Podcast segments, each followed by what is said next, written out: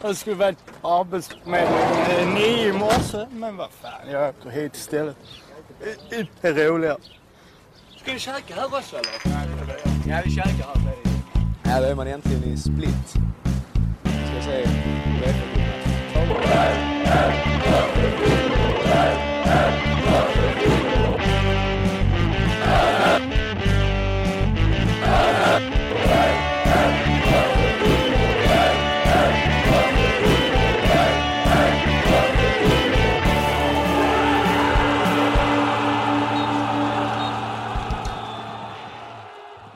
Hej och välkomna till avsnitt 7 av Alternativa Österpodden. Vad har du gjort sen senast Petter?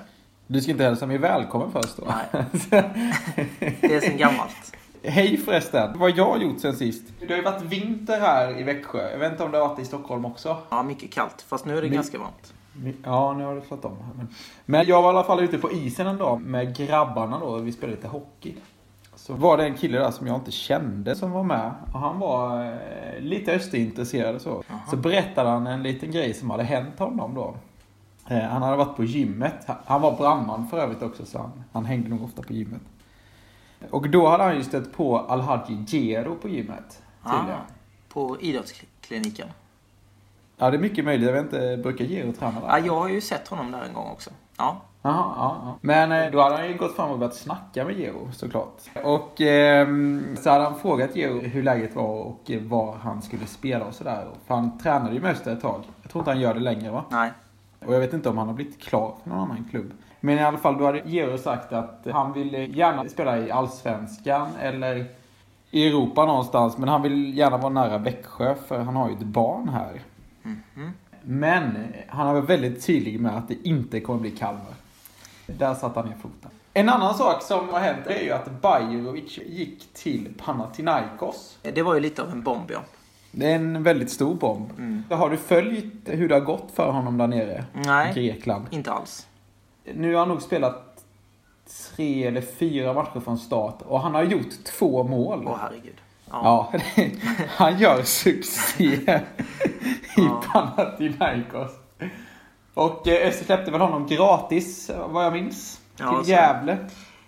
Till Östers försvar får man väl då ändå säga där att det släppte väl inte riktigt för honom här. Sen var det väl det att han, han var ju lite av en renodlad målskytt då så att Ja, han märktes ju inte så mycket i spelet. Det kändes som att han inte riktigt passade in i gänget va? Nej, så kan det nog vara. Men okej, då kanske det inte var så smart att släppa honom. Men det är alltid lätt att vara efterklok. Ja, det är det. En annan övergång som har hänt som var väldigt förvånande tyckte jag. Och det är ju det här att Levi har gått till Elfsborg. Ja, det, det är ju chockerande. Märkligt att han väljer att byta ner sig så att säga. Ja, verkligen. Det är förvisso bara ett lån, men, men ändå. Ja.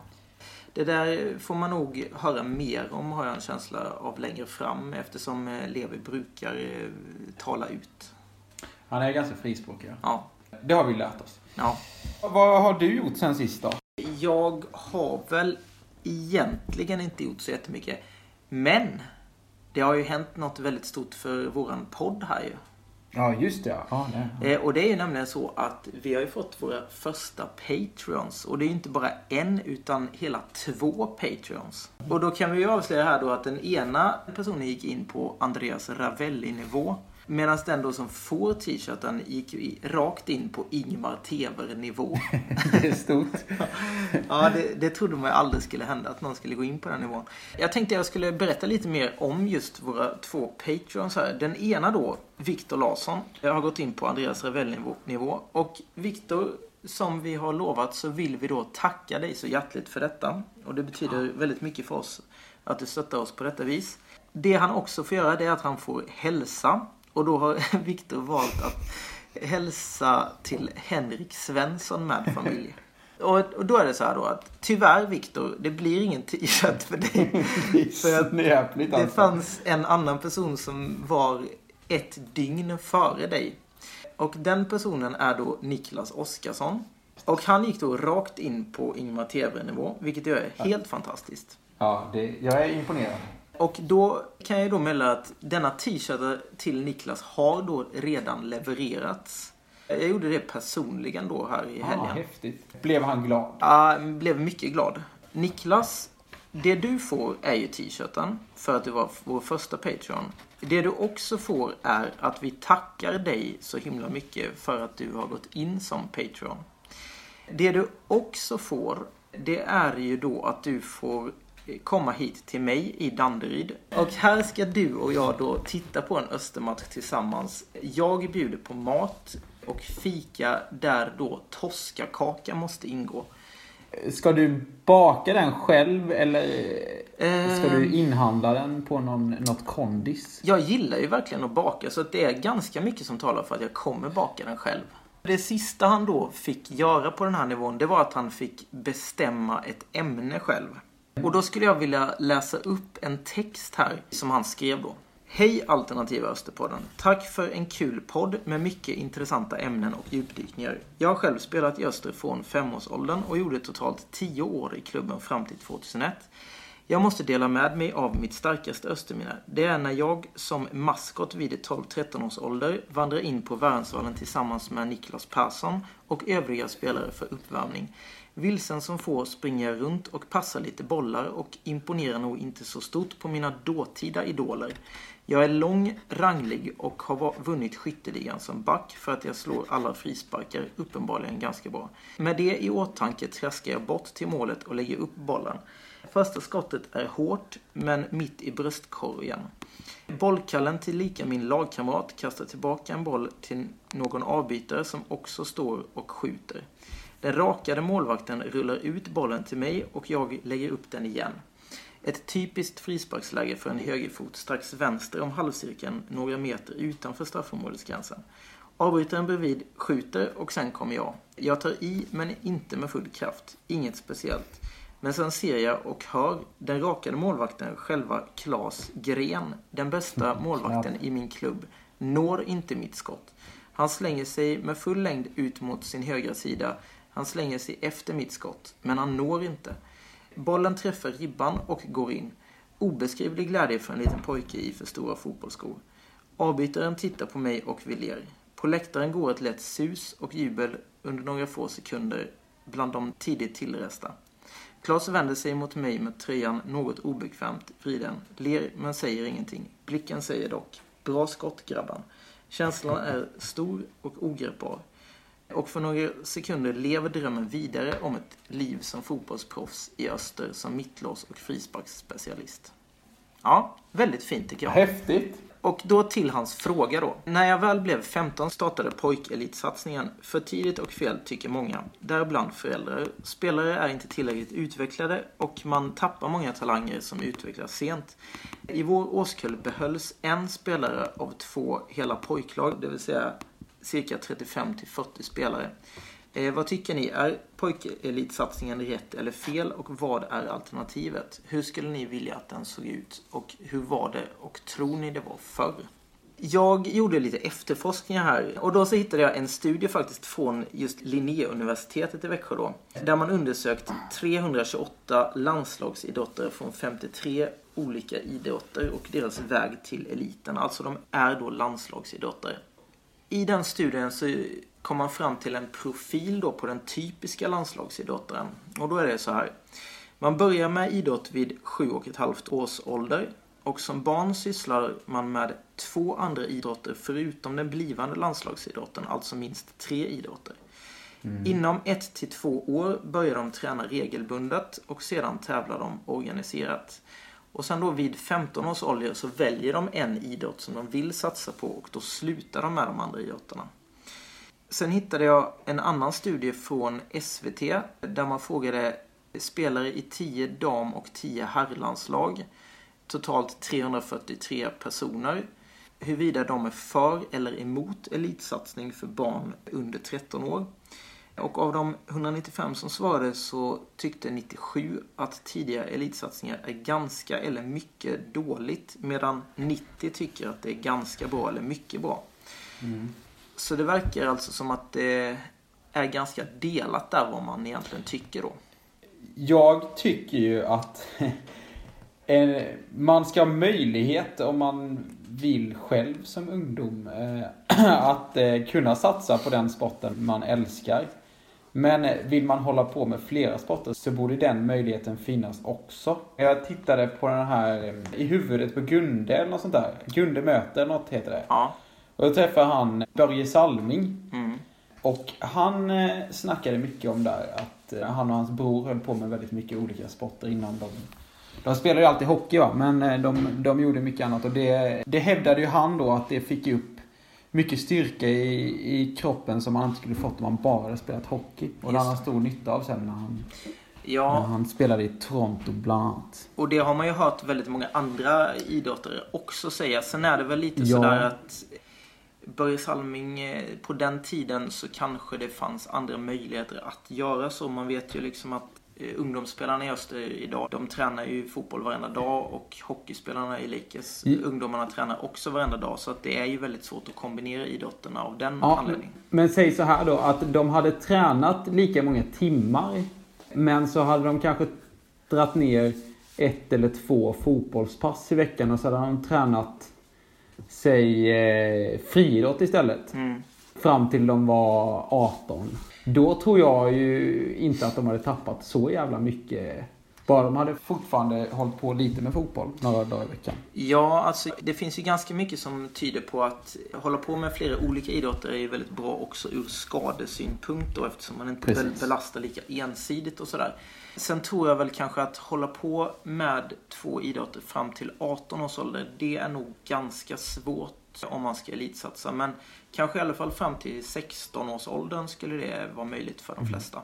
Men jag, jag håller med dig om att det borde absolut vara så att vill man eh, träna och elitsatsa så ska den möjligheten finnas. Det är ju någonting som man själv kanske hade önskat att man hade haft eller tagit den möjligheten. Men sen är ju problemet då att då riskerar man kanske att tappa en del sådana spelare som utvecklas sent i livet. De kanske inte blir uttagna till de här elitsatsningarna och därmed så slutar de kanske när de hade kunnat bli väldigt bra egentligen.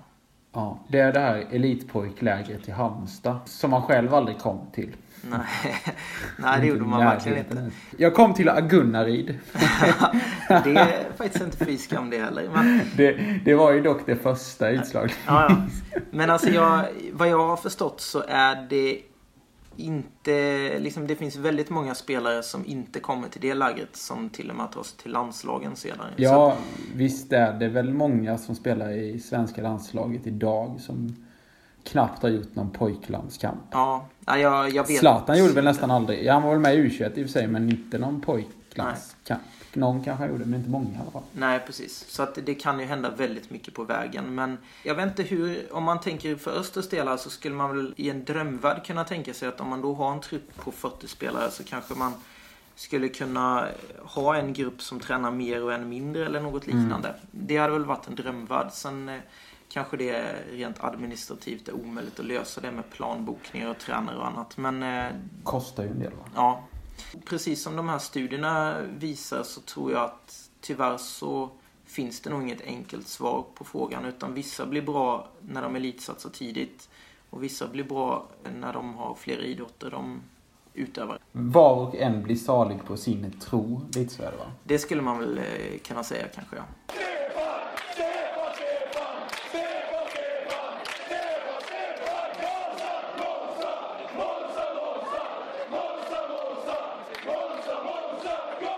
Vi har en gäst idag. Vi säger välkommen till Alternativa Österpodden, Filip Rydberg. Tack så mycket. Tack så mycket. Ska du presentera dig själv lite Filip? Ja, eh, jag heter ju Filip Rydberg då. Eh, håller ju på MFF. Det är därför jag är med idag. Och eh, ska representera det himmelsblå inför cupmötet. Måndag den 25 är det va? Precis. 25 februari. Ska ni kolla på matchen tillsammans? Vi ska gå dit tillsammans då. Ja. Efter vi mötte Malmö FF, då var det liv i luckan. Då satt eh, Stig på ena sidan och gick Persson på den andra. Tittade surt på varandra.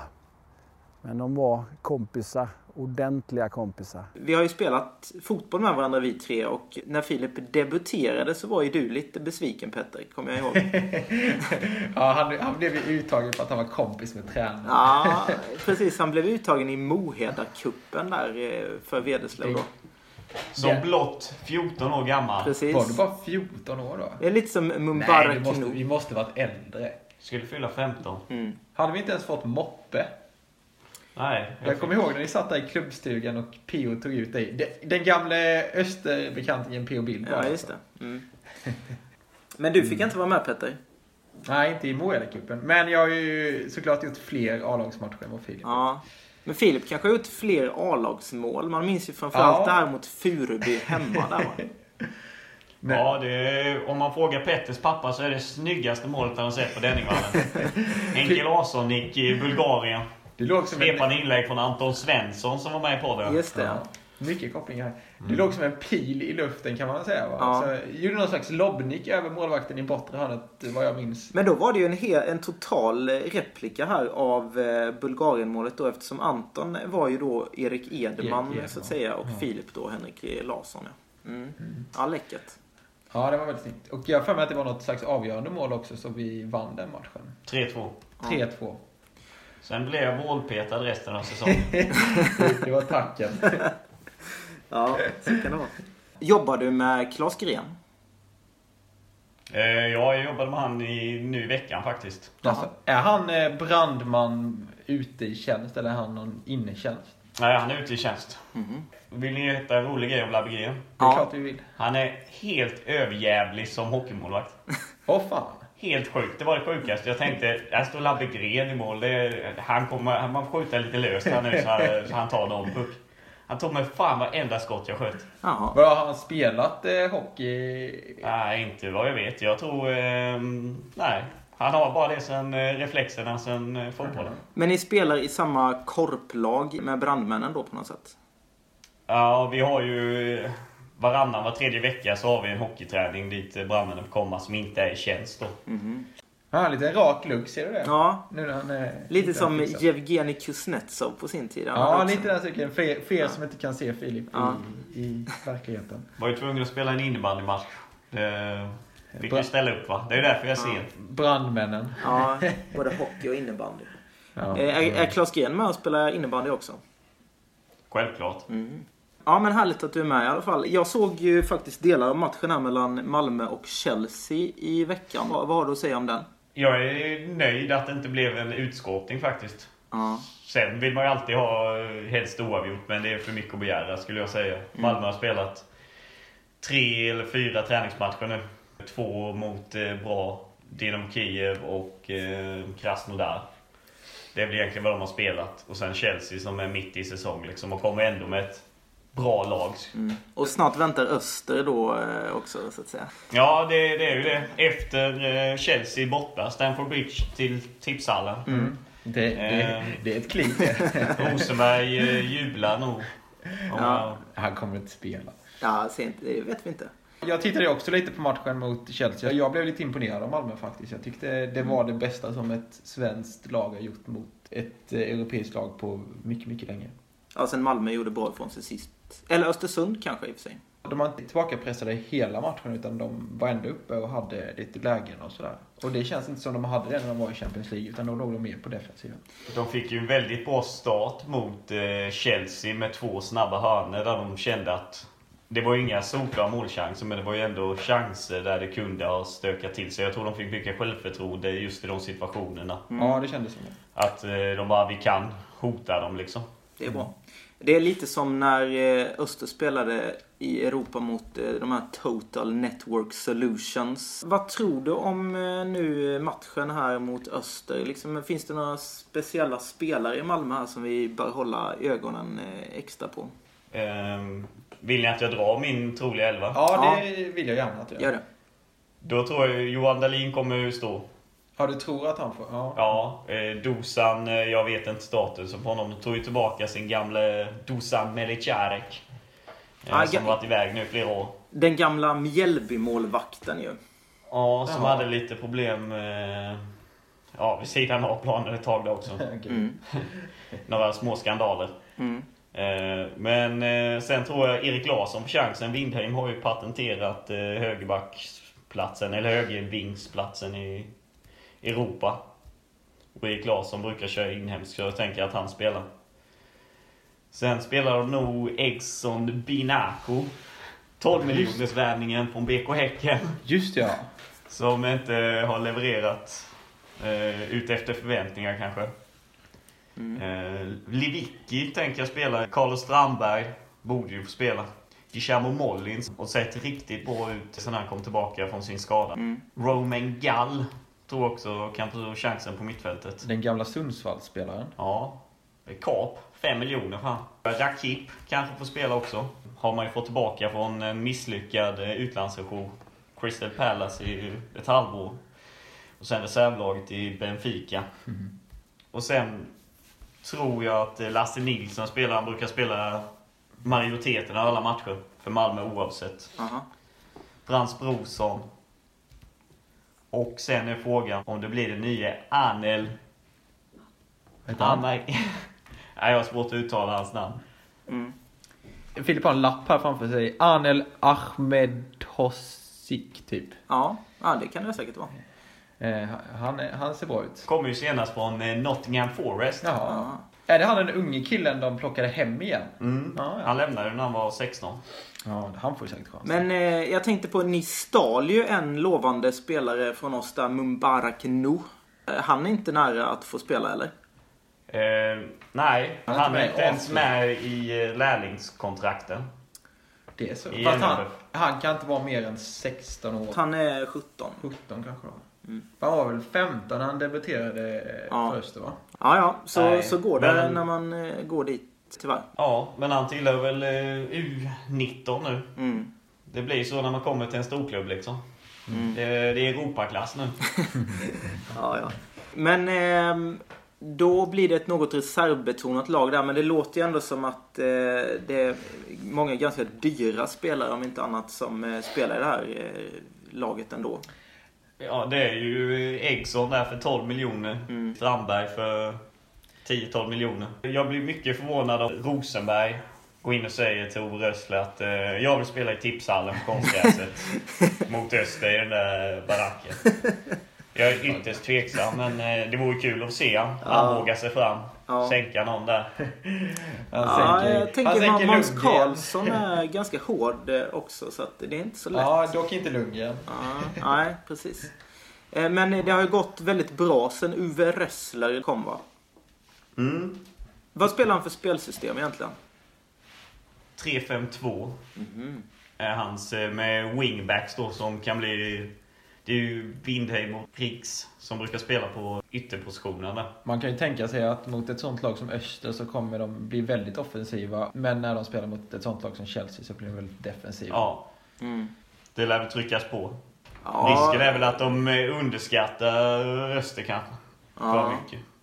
Öster har ju inte imponerat så här långt kan man inte säga, eller hur Erik? Nej, precis. Men jag kan tänka mig att det är lite sådär för Öster att de vet att de är ganska bra i år. Så att det kan nog vara lite underskattning från Östers sida när de möter eh, lite sådana här dåliga lag på försäsongen. Så Typ som Helsingborg menar du? Ja, precis. Men det var ju ändå, eh, ändå ganska jämnt ju. Men eh, jag tänker att det här nog ändå kan bli en ganska jämn match, faktiskt. ja. Ja, det tror jag med. Framförallt i tipshallen. Mm. Malmö har ju inget som är i närheten av det i deras träningsupplägg. Liksom. De kör ju på sitt hybridgräs. Just det. Öster har ju tappat sin status i tipshallen de senaste åren känns det som. De är inte sådär överlägsna som de var förr väl? Det kanske beror på att eh, många andra lag spelar på konstgräs och så, så att de är ändå vana vid det, den typen av underlag. Jag tror det ligger lite i det. Mm. Men det är ju märkligt att Malmö inte bygger en tipshall. Nej, det är ju det. Malmö är ju på Malmö stad att de vill bygga där Malmö stadion står. Mm. En form av eh, multiarena med en eh, fullstor eh, elvamannaplan Jaha. inomhus. Den gamla Malmöstaden, ja. ja. Mm. Exakt. Där vi stod en gång, kommer du ihåg Erik det? Ja. När vi åkte ner eh, Precis. med När, min eh, far. när Anto Susak gjorde mål mot Malmö. Ja. Vi spelade Zlatan i Malmö då. Ja, det tror jag. Anto Sosak som jag faktiskt eh, senare har mött när han spelade i Liatorp. När han var typ 40 år. Vi har ju haft Malmö-Öster i kuppen för inte alls länge sedan. Det var när Öster var uppe i Allsvenskan senast. eh, på Dennis Veders tid kan man ju säga. Ja. Eh, Då blev det ju 1-1 på nämnda Malmö stadion. Då gjorde ju Juan Robledo Östers mål. Just det. Ja, men det här kan vara tydligen nära att avgöra så att Öster skulle vinna med 2-1 också. Det var en nick som räddades på mållinjen. Mm. Men eh, läget i öster då. Vi, vi kommer ju förmodligen också ha ett litet B-betonat lag då vi har lite skador i truppen. Drott ser ut att vara borta en längre tid. Han har ju ådragit sig någon knäskada. Han skulle nog behöva lite hjälp av dig känns det som, för de verkar inte veta vad det är. Skicka Ehm, upp han.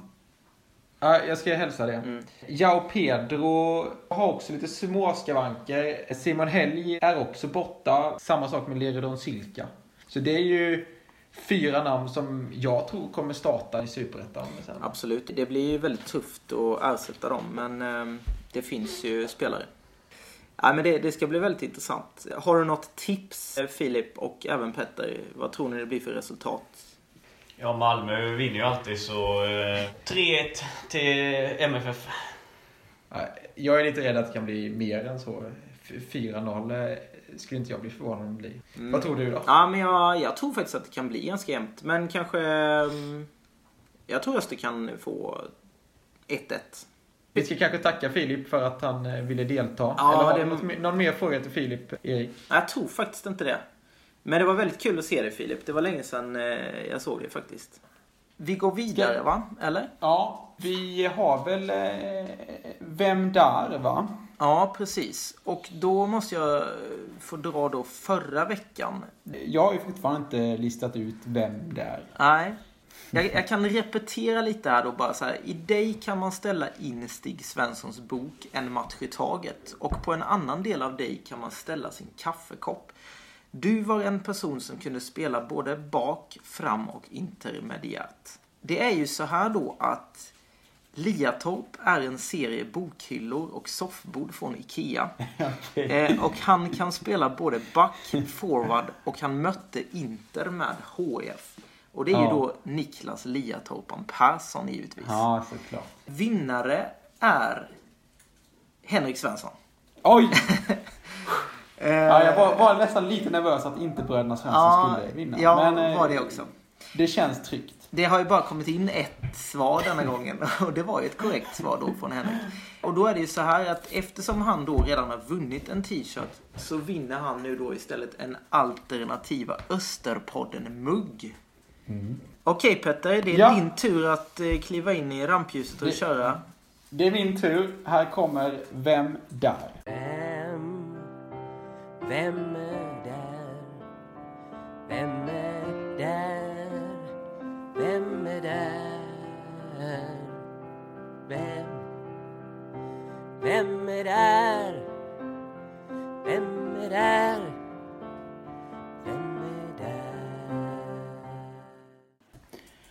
Slutet av början av vår person är som en spik som dessutom råmar i dubbel bemärkelse i två olika tonlägen. Endast ett A skiljer vår person från en ledare som under vår ynglings tidiga år härskade i romarnas Babylon. Nu ser vi fram emot matchen mot Malmö. Jag gissar att minst en av bröderna Svensson kommer i alla fall skicka in ett korrekt svar. Det tror jag också. Var skickar man svaret? Det kan du bättre än vad jag kan. Man skickar det till alternativaosterpodden at hotmail.com. Precis. Men eh, ja, det var väl det hela för idag va? Ja, vi får väl passa på att tacka vår gäst också som eh, ställde upp och var med. Ja, verkligen. Väldigt kul att ha dig med här Filip. Ja, Ja, då säger vi så. säger vi. Hej Ha då. fint! Hej.